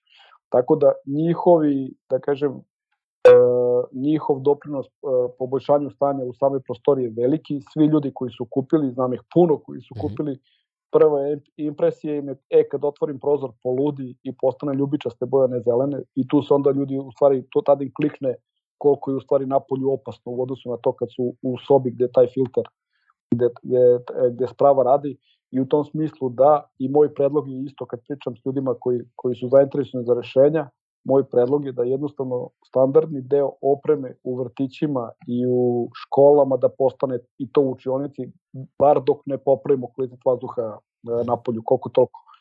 Zato što jedna priča zbog koje se isto često bunim su te kategorije. Kod nas i onda ima ona kategorija prihvatljivo koja mi najviše ide na živce, ima neka kategorija gde kao kakav je vazduh prihvatljiv i onda kad se pročita za kog je prihvatljiv, prihvatljiv je samo za ove koji su u, u punoj snazi, a za stare, za ljude sa hroničnim bolestima i za decu može da bude rizičan. Znači, trećina stanovništva je, e, oni su već u nekom riziku, a tamo piše da je prihvatljivo. Tako da deca spadaju u te osetljive grupe koje, za koje treba da se potrudimo da budu zaštićena e, koliko god je moguće. Ako deca u školi provodi, u vrtiću pro- provode 8 sati, to je trećina dana, to isto nije malo. Zašto bar tu jednu trećinu dana kad su tamo i kad su unutra da ne, da ne udišu, uh, uh, ovaj, da kažem, uh, zagađen vazduh, nego da udišu čist vazduh. Jer ponovo cela priča je kumulativna. Znači ja mogu povremeno da se izložim nečemu i ta akumulacija će da mi napravi neku štetu, ali ako sam non stop izložen tome i ako non stop pravim tu akumulaciju, preću da doživim problem nego ako ne, ne doživim. Tako nije sad, ne moramo sad se, da svi, da deca odu u vrtić i da budu ceo dan u zatvorenoj prostoriji i da bi bili u, u čistom vazduhu gde radi prečišćivač. Mogu da izađu u toku dana na, napolje, ali tako, naravno da se igraju sat ili dva, ali kad se vrate unutra i ako unutra onda provedu šest sati, bolje da, da udišu čist vazduh nego da udišu koliko toliko, ne, ne koliko toliko, nego mnogo čistiji vazduh nego da udišu ovaj vazduh koji je, koji je spoljni i koji nije čist. I u tom smislu ja bi to uveo kao me, meru da kažem, koja bi bila obavezna, jer kažemo opet, e, to što je prihvatljivo je već rizično za puno njih, a da ne pričamo o ovim ekstremnim uh, situacijama. Jedna ekstremna situacija koja isto po meni, da kažem, neopravdano se tako prošnjurala kroz medije i nestala jeste taj neki kros koji je bio u Lazarevcu, mm. gde nekoli, cela škola izvedena na krosu u danu kad su opet bile neke nenormalne koncentracije PM čestice i da se puno dece žalilo na vrtoglavicu, na povraćanje, na ne znam, nija, uh, malaksalost i tako, takve stvari i da je onda to neko ukapirao tamo, je, pa danas je bilo ono ogromno zagađenje, teli smo decu, decu da, da trče. Pa. Tako da deca su, deca su jedna od grupacija koja mogu da osete i te direktne posledice. Znači u tom trenutku, ne samo te odložene posledice, nego u trenutku kad su visoka zagađenja mogu da, da, pro, da prođe kroz neku vrstu komplikacije i zbog toga sam ja za, za to. Znači, ono, ko hoće da ima kod kuće i ko misli da je kod kuće ovaj, e, da mu je potrebno ima dete, posebno ono, podržavam potpuno, a kažem s druge strane sistemski, ja bi na tim mestima ili starački domovi, škole, vrtići, bolnice, oni bi svi trebali da to imaju kao standardne opreme. Ko što smo kupili klim uređaje, to nije neka cena isto. Možemo to da imamo, pa nek, nek teramo još narednih ono, 5-6 godina, pa ajde da budemo srećni da kažemo da će za 5 godina 6 potencijalno stvari da se poprave, pa da nam više neće toliko trebati. Hmm zanima me da li ćemo gledati ovo za pet ili deset godina i kao, e, pričali smo o ovome, znaš, kao, sad je kao sve kako treba. Ovaj, mo, mislim, moramo biti optimistični, ali ovaj, sa druge strane, opet, kad pogledaš sve, m, ali, ok, prošlost ne mora da bude budućnost, nadam se da će to razumeti i, i ljudi koji mogu zapravo da naprave razliku. Da li postoji još neki aparat ili nešto kako bismo mogli da se zaštitimo, neka rutina, A ja nešto? Isto kažem, da, ja isto kažem, ljudima pitaju za maske, maske isto u principu, kako kažem, ne može da škodi. Ako se čovek osjeća bezbednije sa maskom, nek nosi masku. Sigurno, sigurno će mu biti, neće mu biti gore ako nosi masku ovu koju sad nosimo zbog uh, COVID-a. Da, da, Ove, kinezi to nose dugo godina. Dugo, jest.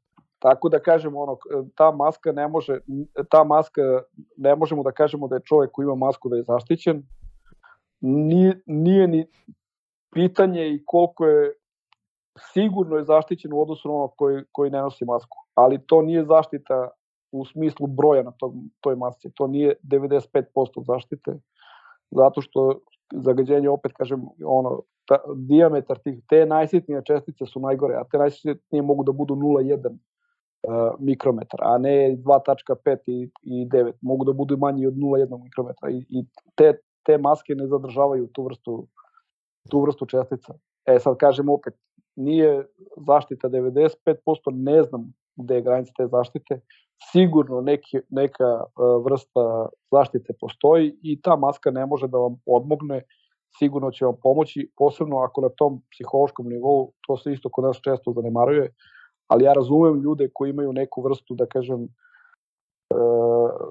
psihološke psiholoških kako problema, to sad je malo ono da ne koristimo te moderne izraze eko anksioznost, ali ljudi koji imaju neku vrstu psihološkog pritiska zato što se ne osjećaju sigurno u sredini u kojoj se nalaze i stvara im neki dodatni pritisak pored svih pritisaka ostalih koji trpe u životu, ti ljudi ako se, os, ako se osjećaju sigurnije sa maskom, ono, super, nek nose maske i ono, biće u boljoj poziciji nego ljudi koji, e, koji ne nose hmm koji, koji ne koriste maske. Kažem, ne možemo da kažemo ja, bar ne znam koji je taj procenat sigurnosti, ali, ali jeste ovaj, e, sigurno neki, neki nivo sigurnosti. Tako da je, ovaj, to je to je moj predlog. Ne treba ljudi da se ono niti ne, niti treba da ih bude sada ono kako kažem što bi se reklo da ih bude blam što to nose ili šta već. Znači kažem ponovo, ako misle da im to pomaže, e, što da ne sigurno će pomoći sigurno u nekom obimu. Neće, neće im odmoći, neće da im bude gore, zato što nose masku.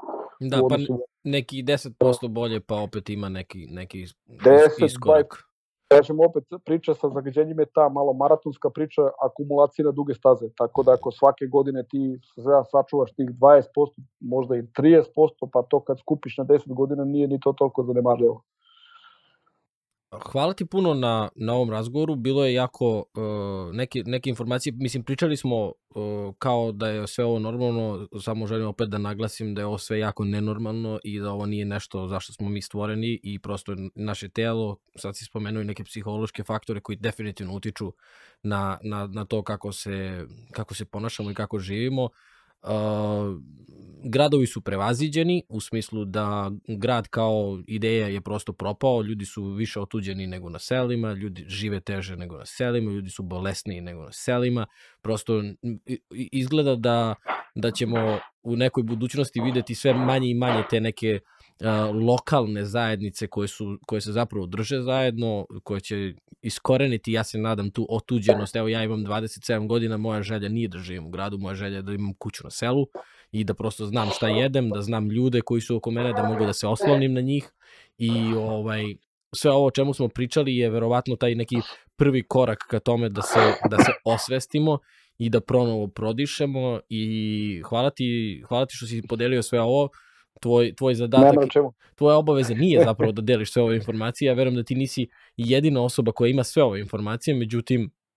Nisam. Ima na... puno da, drugih, ima nekih kolega koji isto komuniciraju ovaj problem često i treba da nas bude što više. Mm. Ja jesam osoba, ja to, često to pričam, skoro, oče, proširio sam malo priču, sad, sad ću da vam objasnim kako. Uh, ja sam čovek koji radi na državnom univerzitetu, primam platu od poreza koji se skuplja od svih građana, ja, stu, država me, da kažem, školovala, dala mi da ipak na neki način, nije potpuno ono, besplatno, ali ajde, be, neku vrstu besplatnog obrazovanja, da steknem usko, stručno, specijalističko znanje koje može potencijalno da se iskoristi da, da nam svima bude bolje.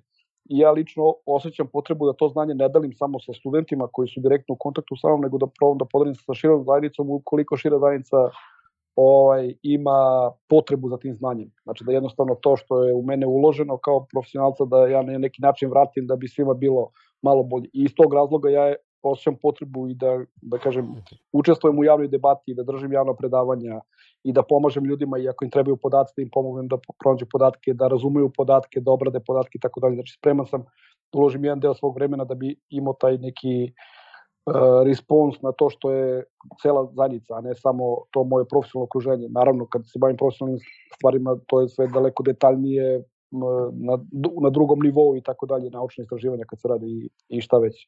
Ali ima još jedna stvar što, što učestvujem u svemu ome, to je taj, sad ovaj moj dodatak na to što je to moje vraćanje uh, ovoj zajednici, a to je što mene isto živcira i ne mogu da verujem da smo najmusa, da treba, da treba budemo najmusaviji u ovom našem na ovom našem evropskom kontinentu odnosu na sve i da nemamo snage da, da se ono upristojimo, da se umijemo, da budemo čisti i to mi ide na živce i zbog toga hoću da doprinesem tome što je taj iskorak da se trznemo svi da kažemo e nećemo više budemo musovi, ajde da se umijemo, da se očešljamo, da se ošišamo, da izgledamo cool i da idemo dalje da rešamo neke druge probleme, ima puno problema koji treba da se reše, tako da za početak je ovo umivanje ovaj, je okej. Okay kad počne, kad sad mi pada na pamet, kad krene dan, prvo se umiješ i onda nastaviš. Isto dan. razmišljam kao buđenje.